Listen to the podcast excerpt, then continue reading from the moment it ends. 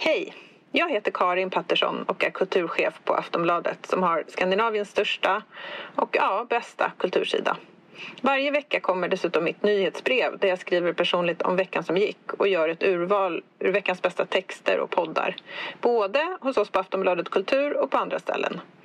Nyhetsbrevet kostar ingenting och du får första tjing på inbjudningar till våra event och samtalskvällar om litteratur och idédebatt. Gå in på aftonbladet.se kulturbrevet och bli prenumerant. Hej då!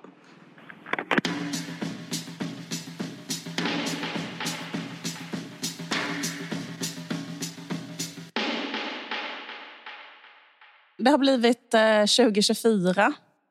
Det har det. Sen vi såg sist. Eh, jag... Eh, därför tänkte jag prata om en film som fyller 30 år i år. Mm. Som kom ut 1994. Och det är filmen Reality Bites. Mm. Mm, Vad heter det? Jag, jag tänkte också att den var kanske lite aktuell för att det är... eh, det är ju mycket liksom i... i eh, det är mycket surr om 90-talet. Får man säga. Ehm, du kommer att prata om Killinggänget, eller hur? Lite senare. Japs. Så det är... Det, och, och det har ju varit ett evigt tugg om 90-talet, eller hur? Hela, hela typ 2023, hela 2022, eller? Jo, men det har varit typ som att, nitt- att 90, alla har sagt så här, 90-talet är på gång Mm. och 90-talsmode. Men nu är det som, skulle jag säga, att nu är 90-talet här. Så tycker Ja. jag det. Ja. Att nu lever vi i 90-talet igen. Innan var det som att så här, vad kul att ha på sig normcore som Seinfeld har. Mm. Men nu är det... Men det är också att det har funnits en hype bland jätteunga människor kring 90-talet. Liksom att, att de har liksom velat leva i 90-talet och lajva 90-talet. Och, alltså de tittar på vänner och... Ja, det, alltså de, de konsumerar ju mycket mer 90-tal eh, kultur än nutidskultur. Det här skriver jag om i Aftonbladet. Att det, liksom, det är en sån 25, 25-åringar, eh, deras vanligaste serie är serien Vänner. Och det var innan Matthew Perry dog. Så liksom det är bara... Eh, det är kanske typ som, som typ att vissa kanske romantiserade Woodstock. Typ. Så, Ja, så är 25 ja, så är det. 90-talet, Typ, att så här- Jag tänkte på det. För, att när vi, för jag när- var rätt mycket ja. så, och du också. Att, att typ så här, självklart ska vi göra mittben.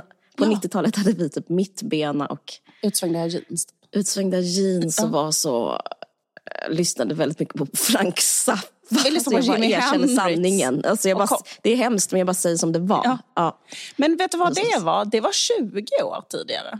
90-talet och 70-talet. Men det här är faktiskt 30 år sedan. Det är så himla länge sedan. I know, I know. Okej men 60-talet, Bob Dylan hade en... en Eh, det är faktiskt sant. Vi lyssnade ändå Sigge Eklund brukar prata om det mycket, att han romantiserade 60-talet hela tiden när han var eh, tonåring. Ja, ja. Eh, liksom att ha liksom en fantasi om 60-talet och vara Ja. liksom ledsen för att man inte var med. Just. Eh, och sådär. Och lite så kanske det var om 70-talet på 90-talet. Att det var typ så här... Eh, ja, men just att, att, eh, att det kändes som en revival för dem. Eh, The Doors. Eh, Mm. Visst. eh, liksom man kanske lyssnar på de där, alla de där banden. Jag hade en plansch med The Doors eh, med Jimi Hendrix uppsatt på mitt rum och en med eh, Nirvana. Mm, Förlåt för mega basic Gulligt. bitch. Jag hade Ja. en Jimi Hendrix t-shirt, kommer du ihåg det? Sexigt. Men, eh, ja, men grejen med Sigge Eklund är väl att han fortfarande romantiserar. Det tycker jag är kul att eh, Men så Eh, är faktiskt, eh, förlåt. eh, han är- älskar ju Burning Man och den typ av grejer. Alltså att, det, att vill fort, letar fortfarande efter Woodstock typ. Ja, ja. Det För själv ganska- tyckte jag att det var typ så en, en fas. Jag, jag skulle ändå säga, jag romantiserade eh, Bob Dylan, 60-tal rätt så mycket och sen så Ja men i och för sig, men, men det är ingenting, jag tror i och för sig annorlunda att vara kvinna i och med att man alltså, typ så, Man har inga förebilder riktigt. Alltså, Nej, för att liksom, då så var det så, ja men ehm, det enda som var bra för kvinnor då eh, var ju, vet du det, att det var p-piller som nu efterhand har man förstått att det, även det var för männens skull. Fri sex, free the nipple, det var det enda vi fick. Ah, ja, skitsamma. Ah, vad pratar vi om? Det ska, jag ska inte fastna. Men i alla fall, men det var faktiskt väldigt intressant för mig liksom att se om Reality Bites som jag då såg Mm. om i helgen. Eh, Det var alltså en film som, som jag såg på bio, på Kiviks bio, när jag var Mm. 16. mm. 1994. Och eh, jag har inte sett den sedan dess. Men mm. det, jag kan berätta bara för lyssnarna, för det kanske inte är en så känd film ändå. Men det var liksom, det, det, det, som var grejen med den filmen var att den gjorde anspråk på, på något sätt, att liksom fånga tidsandan på 90-talet. Den gjorde anspråk mm. på att vara liksom, kanske generation X, eh, slacker, liksom idealet, mm. lite så. En grunge-film kanske. Mm. Eller det här liksom, ehm, eh, vad ska man säga, det tidstypiska ungdomskulturen eh, 94. Att den ville, mm. att den ville, liksom, eh, ville vara en eh, gestaltning av, av den typen av eh, tillvaro. Mm. Men eh, redan då tror jag att den var... Liksom att den betraktades lite grann som en sån... Eh, ja, men liksom en lite så sell-out-version av det. Eh, oh ja. Alltså den, oh ja. ja. Den var liksom en slags produkt av något genuint. Exakt. Alltså det var så. Någon försöker sko sig på en, en, en riktig rörelse och så blev, och spottades den ut. Liksom. Just det, precis. Eh, och jag kommer ihåg en Hollywoodifiering av typ en eh, grunge-rörelse, eller? Abs absolut, precis. Det är liksom Ben Stiller som har regisserat den. Är inte det konstigt? Det tycker jag är så gulligt av honom att uh, försöka... Ja, ja. Mm. Men, men, absolut, det är konstigt. Ja, men det, det är liksom, mm, verkligen. Och, och, och kvin eh, den kvinnan som har skrivit den som heter Helen... Hon heter inte Helen Childless, men hon heter något liknande. Hon heter Helen Childeress. Ja, aldrig, never heard of. Nej, exakt. Jag kommer ihåg då att jag, eh, när jag såg den som 16-åring, tyckte då mm. inte om den. Jag Nej, tyckte den var liksom en eh, töntig... Eh, phony. Phony liksom, eh, film. Men mm. sen nu när jag såg den igen så, så tänkte jag ändå så här... Att den ändå, att ändå var, var faktiskt jävligt intressant att se den. För att den fångar ändå någonting. Alltså den berättar någonting om 90-talet som är så bortglömt. Vad? Ja, det ska jag berätta. Mm, fan vad spännande. Um, eller den berättar någonting som är helt borta idag i samhället. Mm. Liksom som ingen håller på med överhuvudtaget. Men som var eh, så pass, vad ska man säga, allomfattat så bland ungdomar så att det bara var med i en sån här ändå, liksom någon slags ganska, ändå liksom en, en liksom sellout-film eller vad man ska kalla den här filmen. Mm. Mm. Eh, eh huvudpersonen är ju då eh, Winona Ryder. Mm. Och eh, för, för, vad tycker du om henne? Förlåt. Jag, jag, jag älskar henne i mitt svar. Eller? Ja, okej. Okay. Intressant. Mm. Jag kan ha lite så blandade känslor kring henne. Men okej. Okay. Ja, men, men, men du får inte glömma att hon är, hon är en produkt av 90-talet också. Hon är ju liksom sin... Alltså så som man såg skådisar förr i tiden att hon ska vara ett kärl för regissören. Så jag tycker hon är väldigt mycket så. Om det är en bra regissör så är hon jättebra. Okay. Om det är en dålig regissör så är hon dålig. Typ, ben Stiller kanske inte är världens bästa regissör men däremot typ, hon är väldigt bra i Black Swan till exempel. Och, mm. och sådana saker. Alltså hon, jag, jag tycker hon, hennes star quality, alltså hennes liksom lyskraft är, är, är faktiskt väldigt unik. Det, det, är sant, det är sant, det kan man inte säga något om. Hon är huvudpersonen och eh, filmen handlar om fyra stycken, eh, lite så 20 någonting eh, mm. åringar eh, som bor i Houston i Texas. Det är lite konstigt mm. att de bor där. Jag tror att det är för Talent Childless. ja, hon kommer därifrån. I alla fall, eh, huvudrollen spelas som sagt av Winona Ryder. Hon spelar en ung tjej som heter Lila, Lilena. Mm -hmm. Och hon bor med sin liksom, tjejkompis i ett hus och eh, grejen med henne är att hon vill bli dokumentärfilmare. Så att eh, mm, hon håller hela tiden på och filmar eh, sina kompisar med en videokamera. Just det. Så det är liksom klippt så eh, lite coolt, inklippt, eh, eh alltså hennes videofilmer då. Och det ska mm. vara liksom en sån real film som handlar om liksom hur det är att vara ung. Mm. Eh, idag, eller liksom på, på den tiden då så att säga. Och, och, och, då är det liksom att det är, eh, det är liksom att de är ungdomar.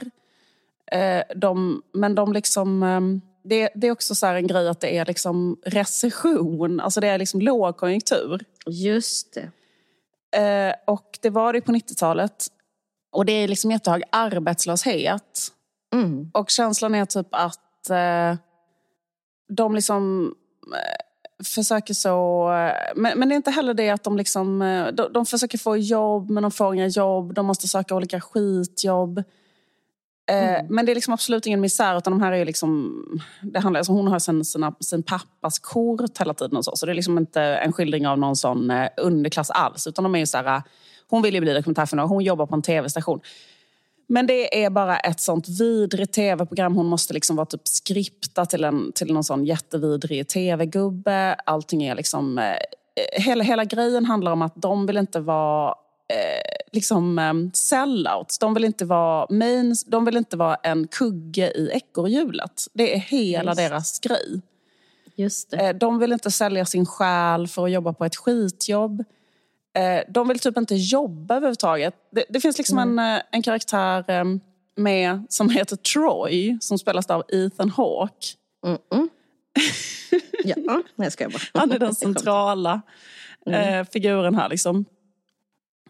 och han är då, alltså hela grejen börjar med att han typ så kastar, alltså han är en dropout, han har inte ens tagit examen. Det börjar med att de tar examen.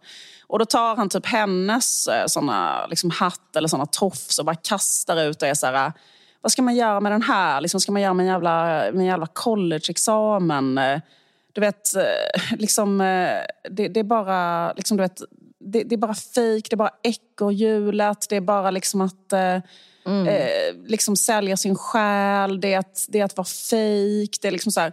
Och han, han, hans liksom, eh, historia är då att han har ett band som heter Hey That's My Bike. Det är väldigt kul. Band. Men, men han repar aldrig med sitt band ändå. Han är bara mm. en slacker, han har inget jobb. Det slutar med, han liksom flyttar in hos de här tjejerna för att han har inget jobb, han har ingen inkomst. Det här är ju 90-talet väldigt mycket. Du var ju med, mm. du var också. Mm.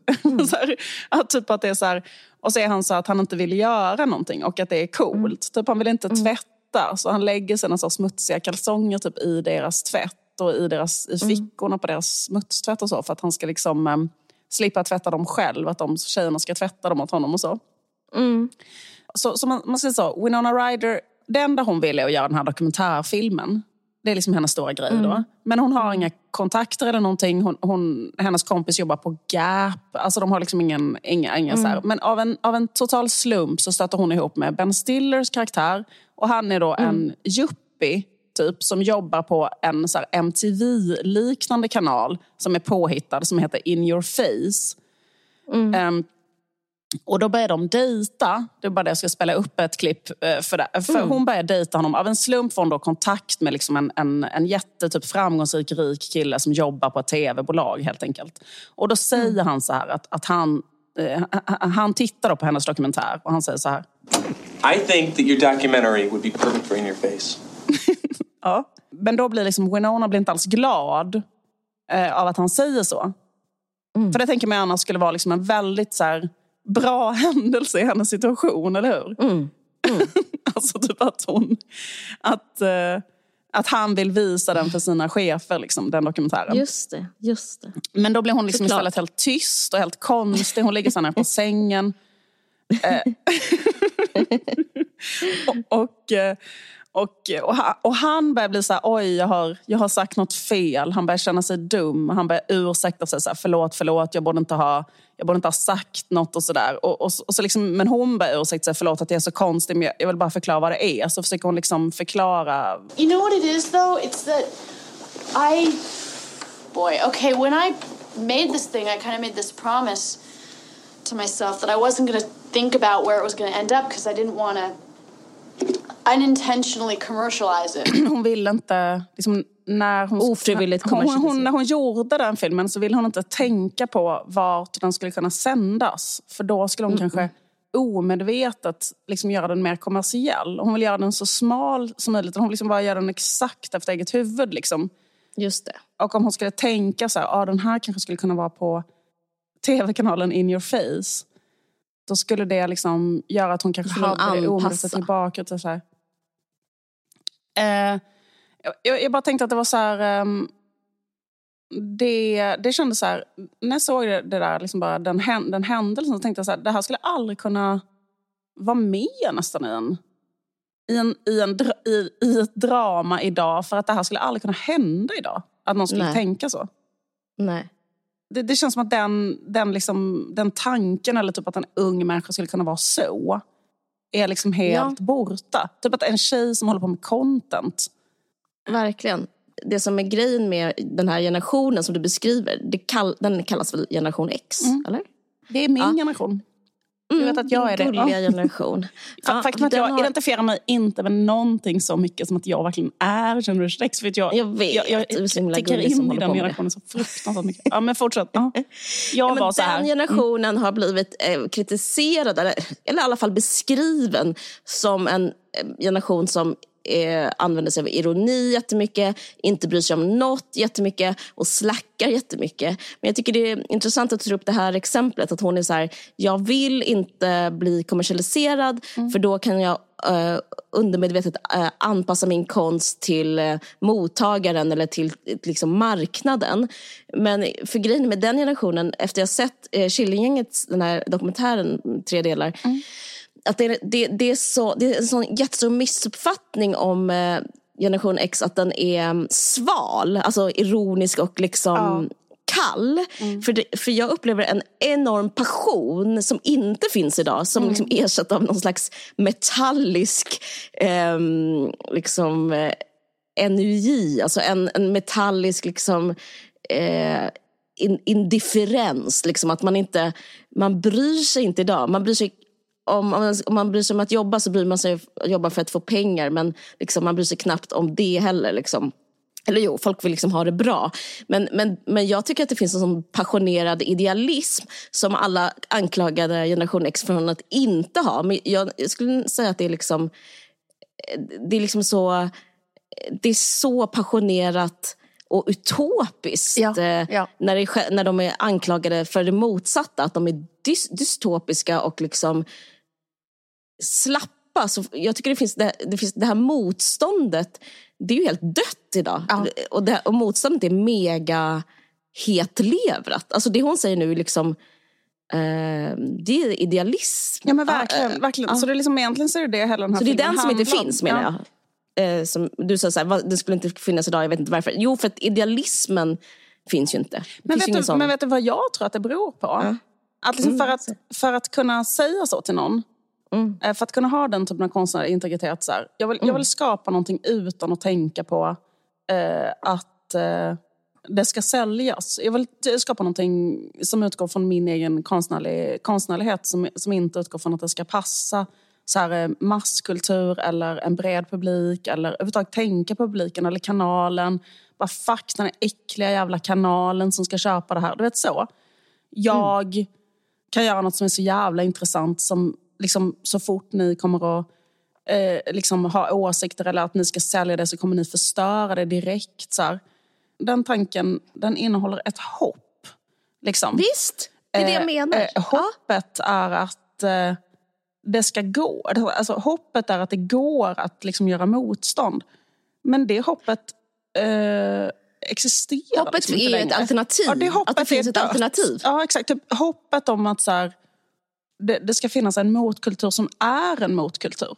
Du Mm. vet? Så att typ, som ska kunna skapa någonting. Nu är det bara så här, nej, för att liksom suck, alltså för att det, det, det känns naivt att tro. Eh, liksom, hon, hon känns ju Ja. korkad typ, i dagens ögon. Så bara, men vad herregud, du har ju din chans nu att sälja din eh, film till liksom, eh, MTV Mm. typ, eller motsvarande. Varför vill du inte ens visa det för cheferna? Hon framstår som galen, Ja. världsfrånvänd. Världsfrånvänd galen. Galen. Exakt, precis. Men det hon har är att hon har det här hoppet att hon kan eh, eh, ha, ha ett riktigt... Eh, att konstnären eller så här, kreatören kan vara en riktig mot, motpol mot så här, vidriga chefer på en sån eh, kanal. Typ, eller en sån, ja, eller, eller typ, eh, ja, eller, eller, eller vad ska man säga, eller så som det är idag med typ att en artist måste göra reklam för Volvo, bla bla bla. Mm. Ja, men det är som den här vet du, filosofen Mark Fisher som sa, alltså det han beskrev liksom generationen efter, eller vår eh, millennial som är att man inte kan föreställa sig Ja, precis, Eh. det är svårare att föreställa sig apokalypsen än kapitalismens slut. Just det, precis. Pre- Precis, precis. Att det går, för generation X kunde ju föreställa sig eh, kapitalismens slut. Eller i alla fall vet, en, en, liten, en liten hubb Ja, i eller, kapitalismen. eller i alla fall kunde man föreställa sig, kanske inte kapitalismens slut, men att, men Nej. att det kan finnas en, en subkultur i kapitalismen. Ja, precis, som ett är så här, någonstans. eh, Mm. inte... Exakt, som, som är så. Exakt, som gör saker Ja. helt efter egen... Liksom, eh, Men nu går det liksom inte att föreställa sig. Nu är det liksom så här... Eh, det går liksom inte imaginärt ens le, vistas i tanken. Eh, och ingen ger uttryck för det heller. Det finns liksom inte en, det finns liksom inte en fantasi om det. nej. Eh, nej I alla fall inte uttryckt i Inte konst ens när man är så, typ... För, för, för det känns också som att... Man kan ha en fantasi om det när man är väldigt ung i alla fall. Men det är som att det inte ens kan vara en fantasi när man är jätteung.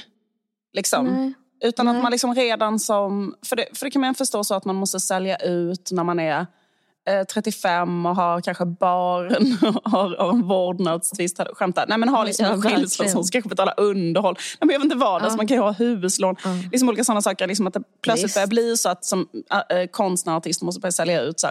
Ja, men men liksom att göra det redan när man är så 17. Alltså typ som bor Mm. hemma. Typ.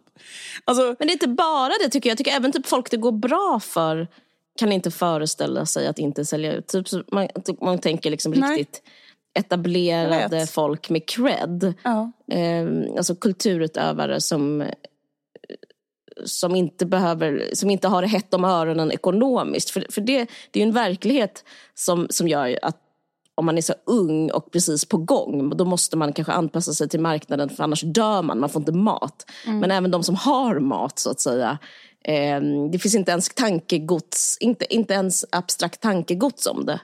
Eh, typ vad härligt det vore att skriva någonting som inte hade som poäng att sälja. Eh, sa ingen någonsin, hur etablerad man än är. Liksom. Nej, precis. Eh, Det som händer sen är att han, den här eh, killen, hennes pojkvän då, som jobbar på den stora tv-kanalen, eh, och, eh, utan att fråga henne så visar han eh, det ändå för cheferna. det. Och de blir jätte, jätteglada och vill köpa det. Och då är hon så nerbruten och arbetslös och sådär. Så att, för att hon har eh, liksom bett sin tv, där hon jobbar, hon har bett dem dra åt helvete liksom. Eh, och då, eh, men då märker hon att hon inte får något jobb så hon bara liksom ligger och röker på soffan och kollar på tv-shop typ. Och då liksom, men då förstör de hela hennes material och klipper sönder det och gör det jättetöntigt och dåligt. Och liksom, du vet, så här. De popifierar det. Jag minns det, här, det här är typ det enda jag minns av filmen. Att de lägger in typ såna bumpers och liksom coola klipp och så. Det är, det är väldigt bra gjort.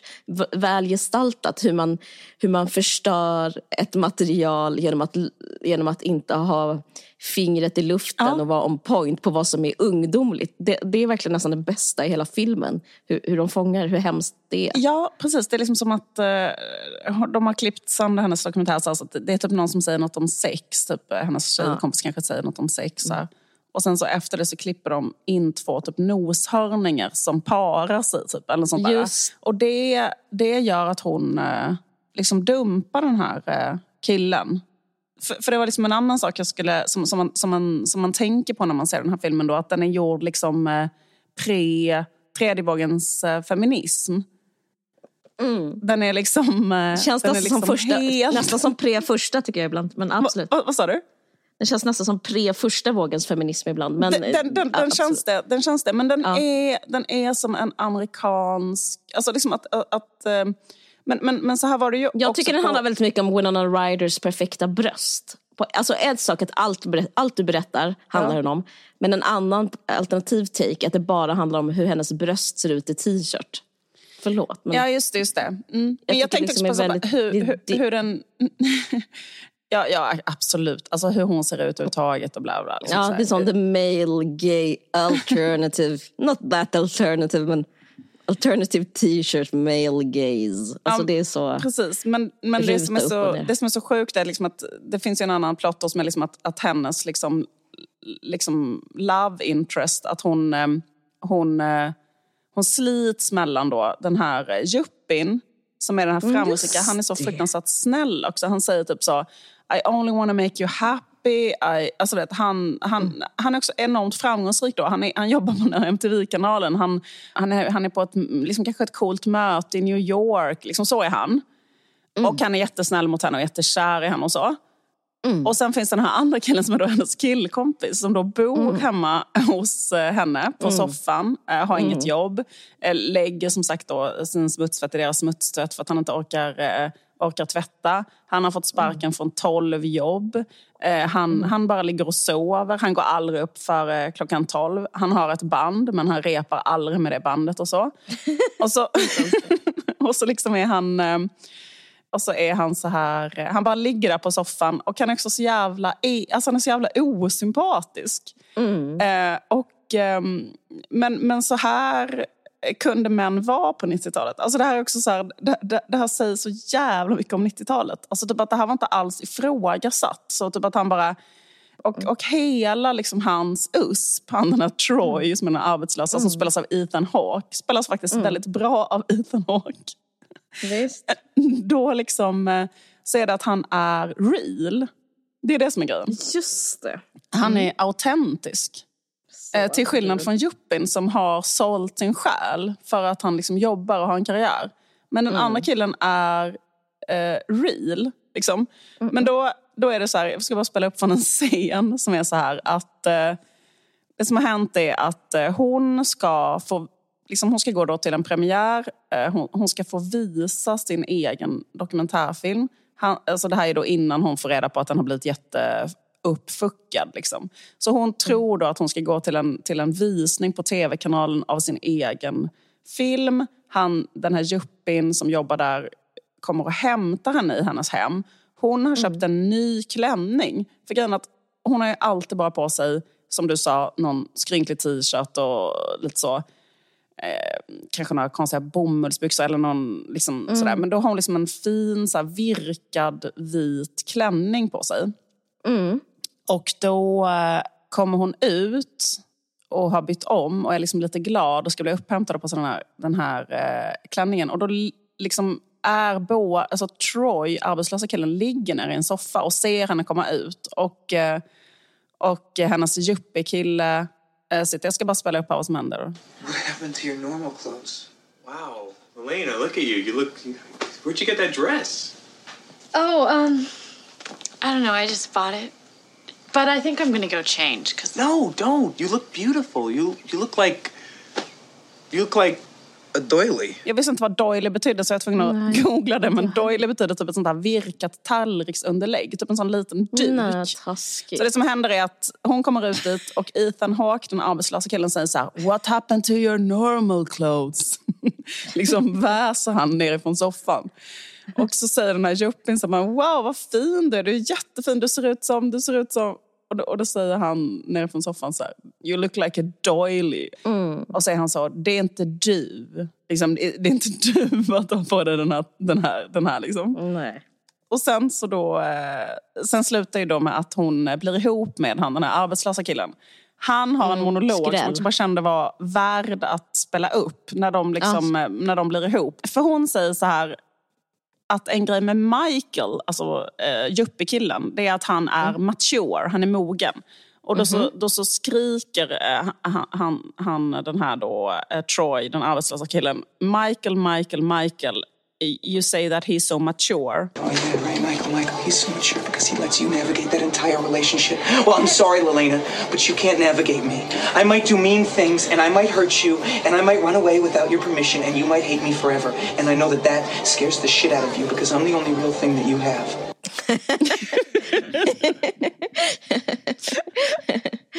Kul.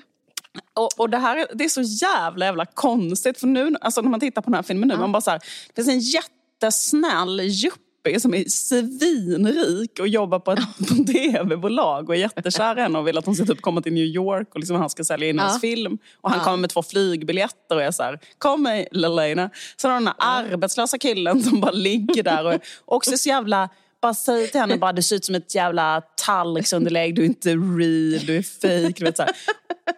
Och sen så skriker jag till henne bara eh, liksom, ja, eh, ja, jag kommer kanske att liksom skada dig but you can't navigate me. Liksom. Nej, du kan navigate Michael, men you can't navigate me and that scares the shit out of you. För jag kommer typ att liksom såra dig, jag kommer springa iväg utan att berätta det, jag kommer göra massa sådana grejer. Men jag är real. Och då är hon bara så, ja det stämmer, han är real. Och sen så blir de liksom ihop. Och det är alltså det lyckliga slutet. Och så slutar med att de två så liksom lever på eh, hennes föräldrars såna, eh, vad heter det, eh, kort. Typ, eller att de, de har liksom använt upp det. Liksom. Att, de, att de bara är liksom, och, det, och det är liksom den lyckliga slutet, att de typ ligger och skrattar i sängen och i soffan Ja. typ, och, och är jättelyckliga. Liksom. Ja. Um, men men det, det, det är verkligen så här... eh, en, en utdöd liksom, livshållning, man ska säga. På gott och ont. Alltså, för det är också så här...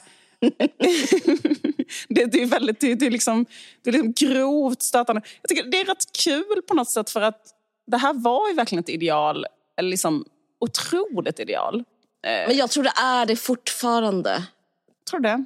Ja, jag tror det. Jag tror det. Alltså grejen är, det är, det är kväst och det är liksom inte kommunicerat det här idealet. Men den här liksom grejen med romantik, att, att kärlek är viktigare än allt. Typ, kärlek är viktigare än att be hurt, att run away och liksom och sånt. Så ändå så, bara man är kär så är det liksom, i alla fall i vår generation, jag vet inte hur det är generationerna i, under min, men eh, jag skulle säga att vår generation är, typ, är lite mm, eh, skadad av eh, så här kärleksskadad på det här viset. Att man, att man är så att det är så romantiskt, att det är viktigare än pengar och husrum och utbildning. Och... Ja, precis. Men det känns som att kvinnor blir ofta anklagade, alltså till exempel av Ja. ja. incel-rörelsen och så, av att vara så att de bara tar en alfaman och de tar bara en... Alltså för det här är ju verkligen egentligen någon form av incel mot en alfa. Nej, men, nej, inte det är ju en att han är jättesnygg. han, han är, han är den- jättesnygg, han spelar i ett band, han har ju en alternativ eh, sån aura. Ja. Eh, men han är ju, eh, alltså vad ska man säga, ekonomiskt och eh, liksom statusmässigt i samhället Jag och vet, så. anklagelsen nu för tiden är att Ja. kvinnor ta, går efter liksom Pengar. pengar, Ja. och status.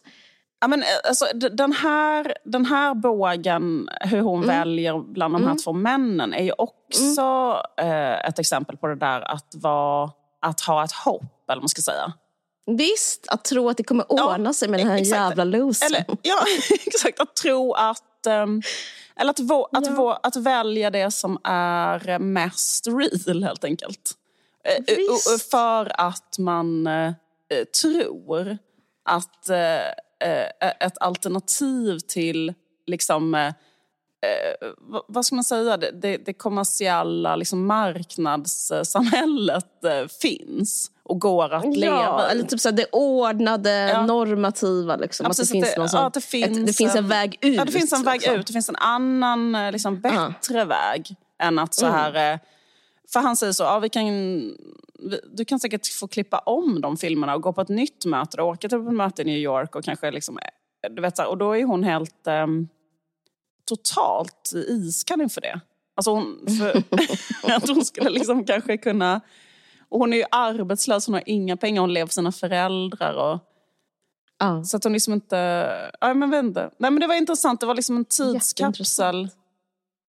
För att ehm, man pratar liksom lite grann om det att 90-talet är tillbaka när det gäller olika saker, just som du sa, inom kultur och mode och sånt Mm. kanske. Men det är ju verkligen inte tillbaka när det gäller det här till exempel.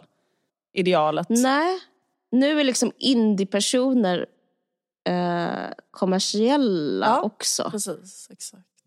Men där, fast jag, jag tror att det, att det, att det, kommer... Alltså ju, ju mer um, finsmakare av 90-talet... En sak typ att klä sig i normcore, en annan sak att säga jag gillar 90-talet. Men en tredje sak är ju typ så här, även ta åt sig eh, liksom, de, de, det filosofiska med 90-talet. Då är man ju, då är man ju 90-talsgäri på riktigt. Liksom. Kommer du ihåg att i förra avsnittet så jämförde jag alla de här manliga unga poeterna med Killinggänget. Och Eli som jag nämnde där, han skriver liksom till exempel förordet i Modernista ger ut Killinggängets pjäser igen. Okej. Eh, och sådär. Så det finns liksom en, en, en slags um, brygga mellan alltså, att vara ung och hipp idag och vara ung och hipp då. liksom, S- och, och Martin Luuk Eh, och till exempel Anna Axfors eh, och Ludvig Köhler och Elis, de har liksom ett eget förlag som heter Renate förlag där de ger ut jätteobskyr poesi. Och Martin Loke med i Tornes. Eh, eh, Anna Karenina, det finns ingen kvinna som Anna Karenina. För att jag, jag känner liksom också, det som tänkte på när jag såg Killinggänget, det är att jag älskar Robert Gustafsson. Ja. För att jag, jag tror kanske att jag är den i Sverige som har kritiserat Killinggänget mest. Okej. Jag, alltså I vår podd har jag gjort det så mycket. Jag har ofta Killinggänget som om jag behöver en metafor för typ en homosocial rörelse som stänger ute kvinnor och typ ett exempel på att vi inte alls är ett jämställt land och liksom eh, strukturer i typ så kulturbranschen. och, Så, tycker, så har Killinggänget varit så lätt att ta till. Liksom. Deras liksom uppställning av enbart män. Och, det finns ju inga kvinnliga skådisar eller kvinnliga manusförfattare eller kvinnliga regissörer med Kill- Killinggänget. Och jag har liksom, för mig har det varit ett rött skynke nästan sen, eh, alltså nästan sen jag såg det i realtid, alltså 90, 94. När kom de? Ja, precis. Alltså kanske, ja, exakt 92 kanske var första, Ja. eh, eller något sånt. Ja. Ja, alltså jag, jag, är- grejen är, det, jag älskar dem och skrattar. Ja, ja. Alltså jag, jag var så tacksam för dem, för att det var liksom så, jag älskar dem så mycket. Men det var liksom som en slags, jag vet inte hur man ska be- beskriva det. Det var som att vara kär i en kille jag aldrig kunde få. En sån känsla också. För det var som att de gjorde... Det var, jag önskade att liksom jag var man. Alltså de gjorde det jag ville göra så mycket så att det, det gjorde ont i mig. Det gjorde, deras existens liksom, den smärtade mig så mycket. Det var liksom... Jag, jag, jag- blev helt utslagen av eh, hur underbara de var och, parallellt med känslan att jag inte fick vara med. Ja. Eh, Jag tyckte det var så smärtsamt för jag såg eh, liksom en, eh, liksom såg eh, om liksom typ, lite grann av Persetora nu. Eh, och det här har jag glömt, men typ att Martina Haag kommer in någon gång och har liksom en sån pytteliten biroll, alltså hon kanske har en replik. Eh, och, Okej. eh, när de är Expressen Fredag. Eh, när de gör en Ah. parodi på Expressen Fredag. Så typ kommer hon in och bara säger någonting. Och, liksom så här, och så tänker man så att hon var liksom så här jättebra kompis med dem säkert. Och var liksom, liksom, att hennes syrra var kanske ihop med Henrik Schyffert och sådär. Liksom att hon, jag vet inte, att hon var där liksom, så hela tiden runt. Ja, de där, säkert- liksom, hon ville ja, vara skådis och bla bla. Men hon liksom fick aldrig vara med. Alltså typ att det var Nej, sån grej. Alltså jag menar att jag vet inget om detta men jag, det, det är liksom du vet symboliskt när hon tittade in där. Liksom, det var just det, det fanns ju såna tjejer som också var så då jättebegåvade. Eller jag menar att hon, alltså hon skriver ju begåvad på ett annat sätt kanske. Men jag menar bara Ja. att det var ju så att det kändes som att så här, ehm, men så är, det, så, så, är det ju, så, är det ju, eh, så är det jätteofta. Så är det i jättemånga sammanhang. Där att män och kvinnor inte samarbetar. Alltså så. Att de gör, du att menar de gör att män och kvinnor, hur, vadå, män och kvinnor inte samarbetar? Alltså typ att det kan vara så här begåvade män och kvinnor. Mm. Men att de, Och att de är, känner varandra. Men att de inte Mm. gör saker tillsammans. För att de tycker, för att de är så pass olika. Ja, just det. Eh, liksom att de är så Just här... det. Eh, eh, de är liksom för... De är liksom excellerar på varsin... Eh, på varsitt håll. Men det är liksom en... En, eh, liksom en, en, eh, en väldigt så här, de håller på med någonting som är, som är könsspecifikt på något konstigt sätt ändå. Så att det går liksom inte Mm. att, att blanda ihop det. Liksom. de diskuterar det själv i tredje avs eh, avsnittet eh, i den här dokumentärserien. Och då, jag kan recitera från huvudet. Anders Lokko säger en väldigt bra grej som jag verkligen älskar. Han, han säger så här. Det kommer till en tidpunkt i varje mans liv då man måste sluta lita på sin magkänsla. Mm. Kommer du ihåg det? För, för grejen är, jag tycker det är intressant, för liksom, hur kunde det bli så där? För även de är ju självkritiska, det ska absolut sä- sägas. Tredje avsnittet handlar typ om, eh, i den här dokumentären, Nu ska vi prata om män, heter avsnitt tre. Eh, och den är rätt så intressant, för det handlar liksom om just att eh, det fanns inga kvinnor med och, eh, och, och hur de resonerar kring det själva. Och då så är det en som säger så, men om vi hade haft mer kvinnor då hade inte vi kunnat vara så eh, då kunde inte ha, hade vi inte haft så högt i tak. Mm. För då hade man ju velat anpassa sig. Eh, och var, då hade vi varit, varit mycket mer anständiga. Mm. För om kvinnor varit med så hade vi liksom förhållit oss till att eh, inte vara liksom grova och vulgära och äckliga. För att det, den dynamiken i rummet gör ju att, att man, man hämmar sig själv om det är en kvinna med. Mm. Mm. Det här liksom eh, att vi var ett sånt jävla grabbgäng. Jag har aldrig... Begrep du inte det? Det har ju Nej, jag, sagt sen första... Jo, jag förstår, jag förstår det. Alltså jag, men jag tyckte ändå så här, vi är ju bara roliga. Och att det där skulle liksom vara ett problem då tänkte jag så här, nej men det är det ju inte för att det är de här människorna som krävs för att det ska bli så här roligt. Så jag har alltid liksom sett liksom att humorn har varit viktigare än det där. Och jag såg, jag såg aldrig riktigt det som att det var ett, ett issue. Ja, men att det har varit osunt tror jag vi alla har känt ganska länge. Men däremot vet jag inte om någon har velat ändra på det riktigt. Vi har ju, vi har ju talat om att ta in andra medlemmar och sånt. Men jag tror när vi talar om att det här är ett rum med högt tak där vi kan stoppa in vilken skit som helst så tror jag att vi inte hade gjort det om det hade varit en, eh, om vi hade haft en kvinnlig komiker med så hade inte den här skiten kommit upp. Och då alla sa ja det är sant, det är sant. Men det tycker jag är så intressant att liksom ha den det som det avslöjar, alltså jag försöker inte sätta dit någon här. Jag, vill, jag, jag är bara själv intresserad av det. Mm. Liksom. Att, att de ser sån otroligt stor skillnad på män och kvinnor. Att mm. även om de tycker att det är fel att de är en sån mansseparatistisk grupp så är det som att de är övertygade om att kvinnor är så pass ett annat väsen att liksom, de tycker liksom teoretiskt att det, det skulle vara bra med kvinnor men eh, praktiskt förstår de att det går inte eftersom kvinnor är kvinnor. Alltså de, det är som att de inte i grunden inte eh, kan förstå att en kvinna till exempel kan vara grov. Eller liksom att, att de eh, inte behöver ha ett sexuellt spel med en kvinna. Och jag säger, grejen är att jag säger inte ens kanske, de kanske har rätt. Det kanske är så att de ja, inte skulle alltså kunna... Jag funderar på det, för, att, ja. för jag tror att det kan stämma lite att det, ja. att det är så. Typ att så här, jag kan känna att jag det var ju lite nedtonat i den här dokumentären. För genom åren har de ju sagt... Alltså det, jag pratade pyttelite om, nämnde det i, i, i Stockholms utveckling, men liksom att jag gjorde en serie om Robert Gustafsson 2011 därför att, som, som handlade om att han sa att... Um, han hade sagt att anledningen till att det inte var kvinnor i Killinggänget var för att kvinnor inte är lika roliga. Alltså rent biologiskt, av så evolutionära skäl, så har inte kvinnor liksom blivit, så utvecklats till att bli lika roliga.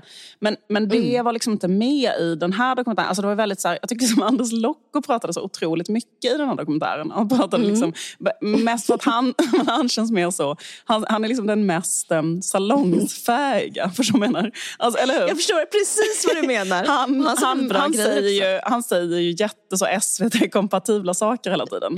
Ja. Och han är så himla han är så... Tvättad, han, är så, han liksom. pratar som en journalist. Han, kan liksom så, han, kan, och han säger, liksom, han, han säger så här, liberala värderingar som alla håller med om. Mm. Men liksom, Just det. det känns som att, oh, det känns som att jättemånga i Killinggänget, om man hade liksom så här, verkligen, det är som att så här, Robert Gustafsson är med väldigt lite och han säger så himla normala saker som man också blir lite så förvånad över. Varför säger han så pass normala saker? För att, och ja, även Johan Rheborg. Alltså förstår jag, menar, jag tror att många av dem, om man verkligen liksom satt tumskruvar på dem och frågat saker om män och kvinnor, så hade man fått fram helt andra svar. Men, men, liksom, men nu har man valt det här spåret och why not? Alltså du vet så.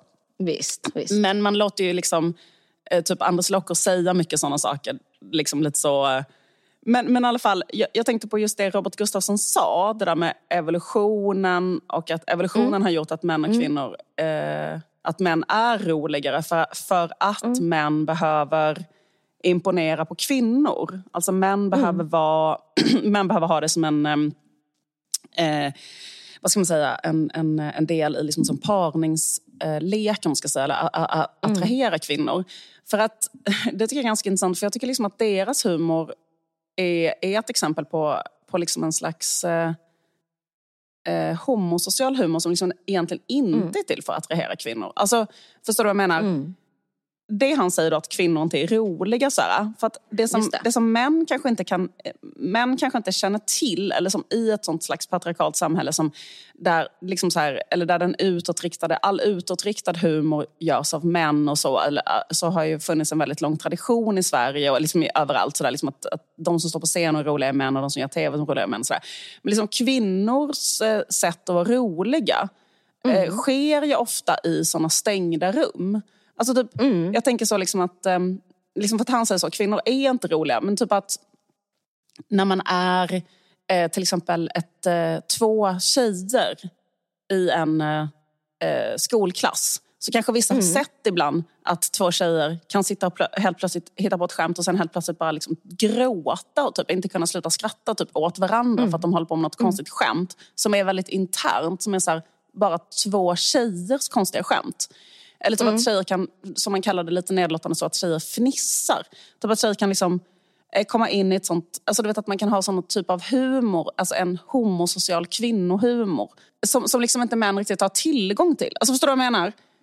Och, och den humorn brukar inte vara liksom upplyft och så. Och jag tror det är därför han till exempel tror att kvinnor inte är roliga. För att när han är i, en, i ett rum med en kvinna så, så uppstår liksom inte den humorn. Då kanske de sitter och lyssnar på honom och skrattar åt honom antagligen. Och så artigt skrattar åt honom och så. Alltså jag bara menar att det finns ju såna eh, vad ska man säga, könsspel eh, spel på något konstigt sätt som gör att man, man är på ett visst sätt, eller så typ att, jag vet inte, att det är svårt, alltså att kvinnor kanske inte heller är så ro, alltså kanske, kvinnor kanske inte heller är lika roliga eh, när det är en kille med. Jag vet inte. För då blir det som att man på något sätt vänder sig till honom på något sätt. Alltså jag kan känna lite så, att till exempel, jag vet inte, att det är en viss frihet när det bara är kvinnor med, som inte uppstår annars. Mm, jag hör dig. Eh, Till exempel den här podden kan känna alltså så, att vi två kvinnor adderar någonting. Att det inte är en man med i den här podden. Förstår du vad jag menar? Mm. Alltså att man kan ha viss förförståelse för vissa saker. Ja. Och Eh, liksom, jag vet inte, och det, det kan liksom göra, ibland gör det att det blir lite bättre. Så skulle det kunna vara. Kanske. Jag tycker att jag är rätt så rolig med killar också för att jag vill äh, bli älskad av dem. Ja. Eh, och jag kanske inte lika, jag arbetar lika hårt för eh, dig. Nej.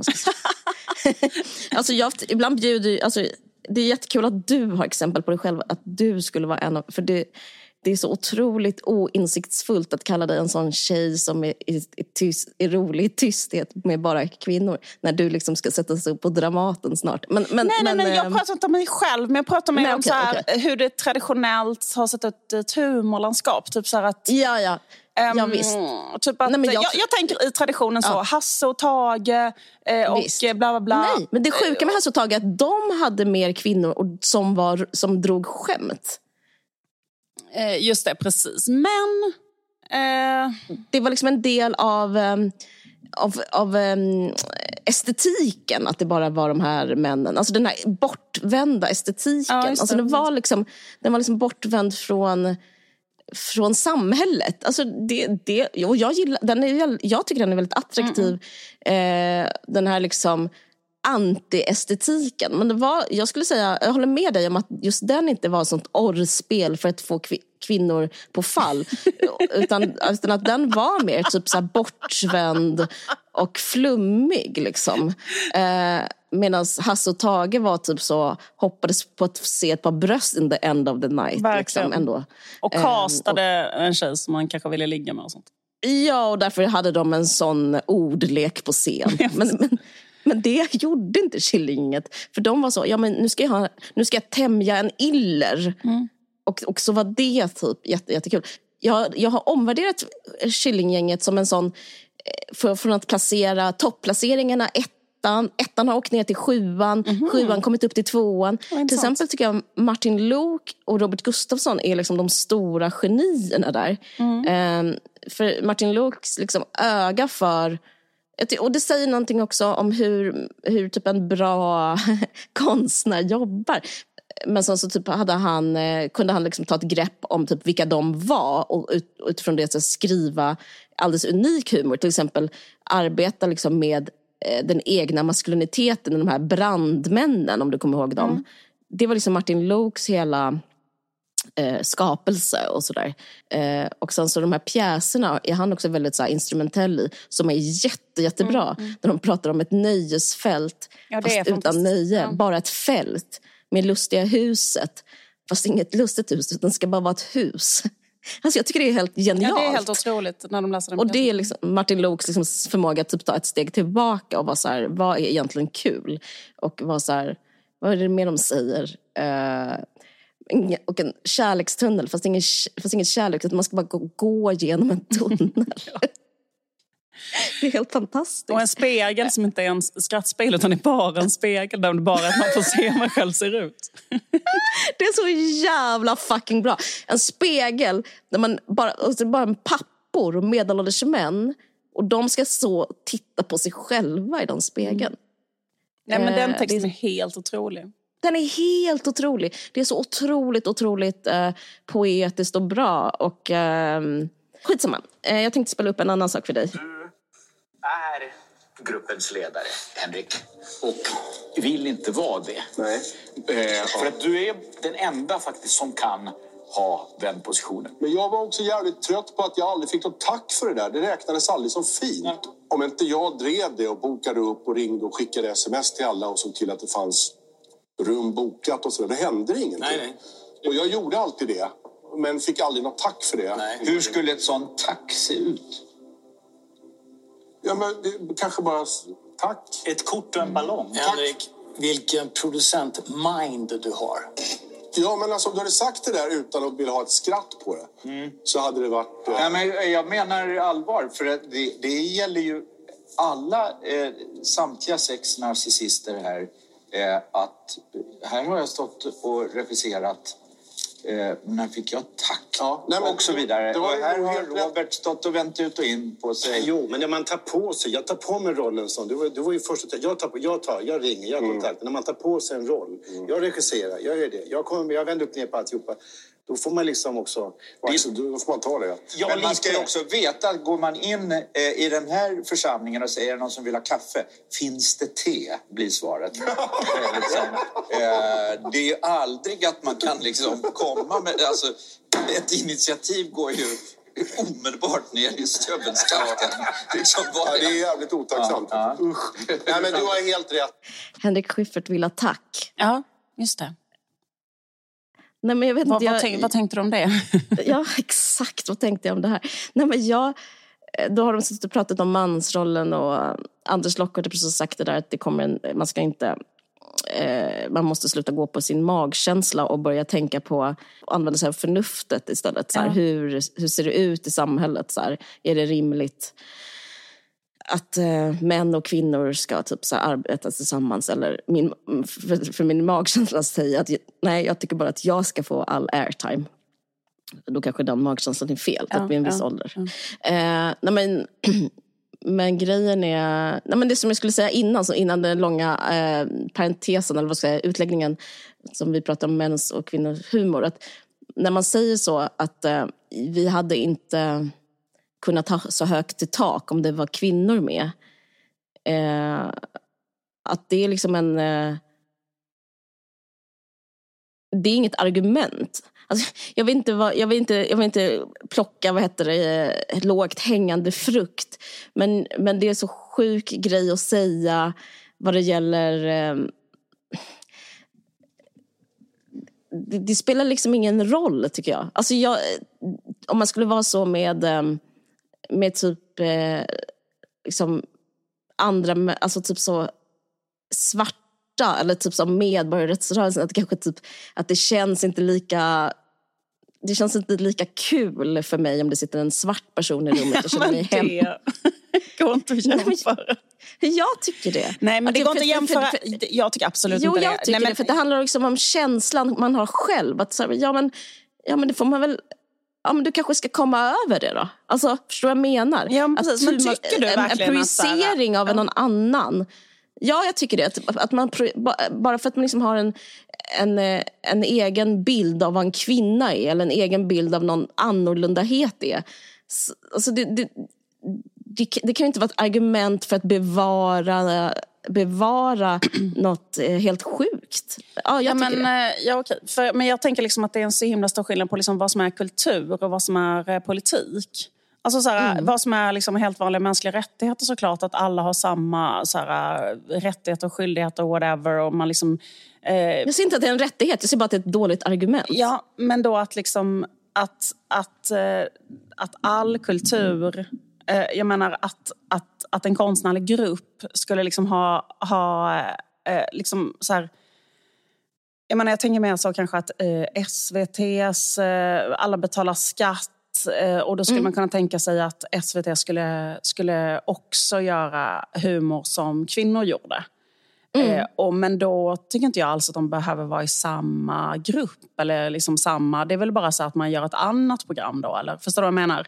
Men däremot tycker inte jag att man ska så, gå in och störa på det sättet ifall man har liksom, en konstnärlig grupp som, som har så, nej, nej. Liksom ett, ett, ett samarbete som fungerar. Alltså, vänta, jag känner själv, därför att jag... Det är inte det jag säger. Jag bara säger att de är keffa. Alltså jag, säger, jag vill ja. inte ändra någonting. Och jag, jag, tyck, jag säger som sagt, jag älskade dem. De har inspirerat ja, ja. mig jättemycket. Men det här att eh, de blir hämmade av kvinnor. Mm. Mm. Ja, det, det, det, är bara för att de är sexister.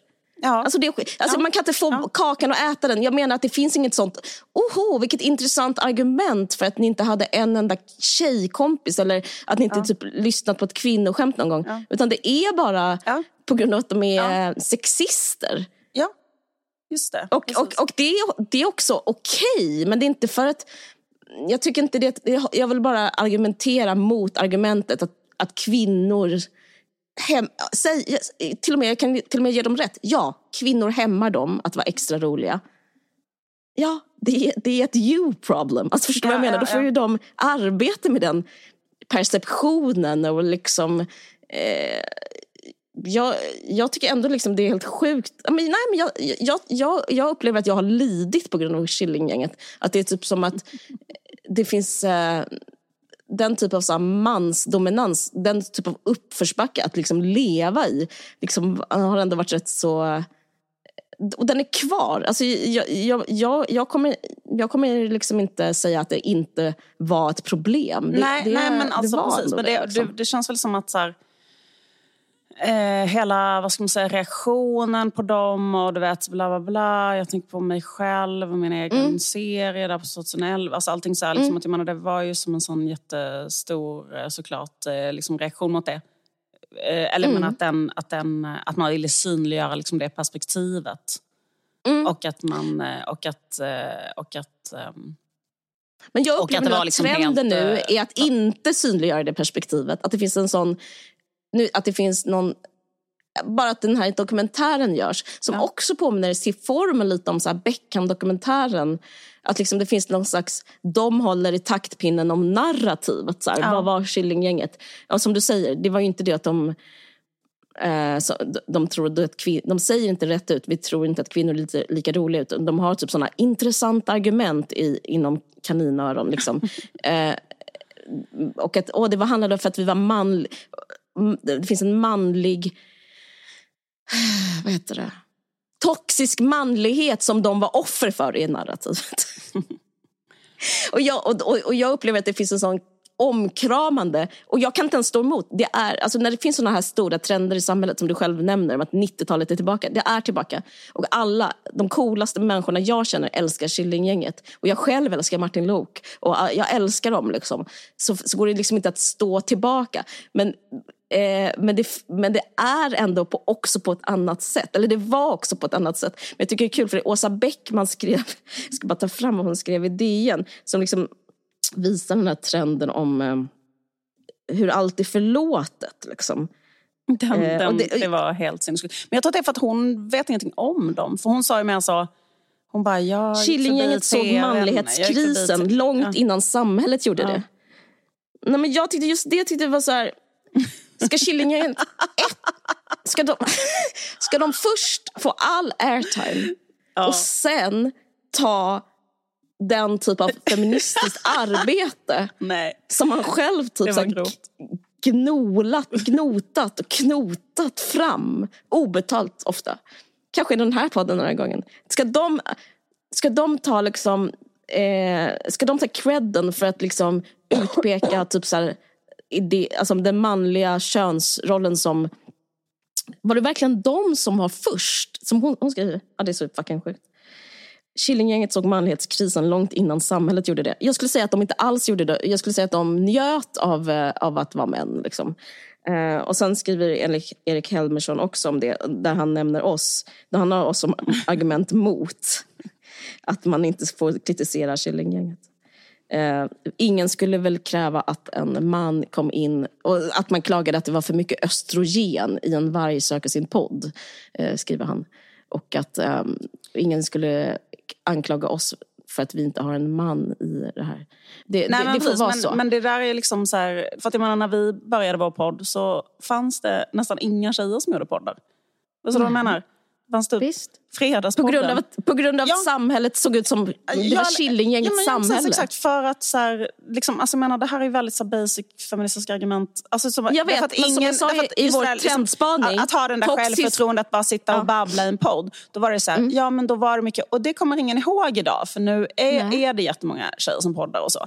Och nu är det jättemånga tjejer som gör humor. Och det är ju, alltså, speciellt kanske efter sociala medier och sånt, att typ så här, Mm. alla de här liksom, Gina Dirawi kunde göra egna så här, roliga sketcher och Mm.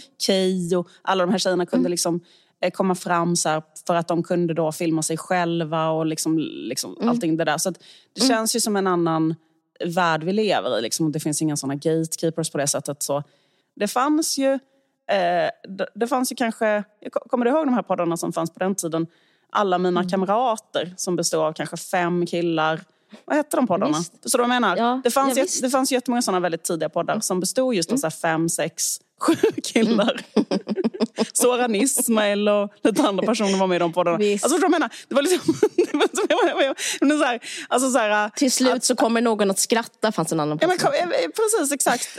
Eh, eh, Sjukt, och, ehm, vad fan heter de? T.S. Knas. Ja, det är de. Till slut kommer någon T.S. skratta.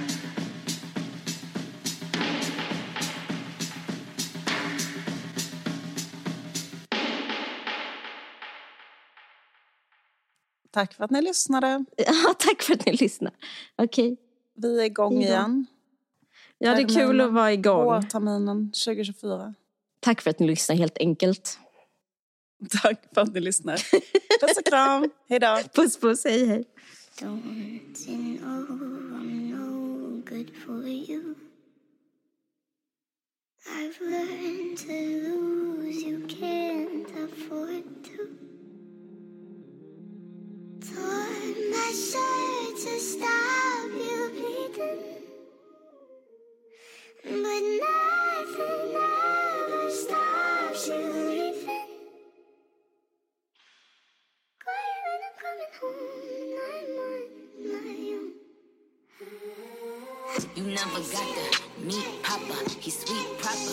Keep Mama on my toes. I needed help.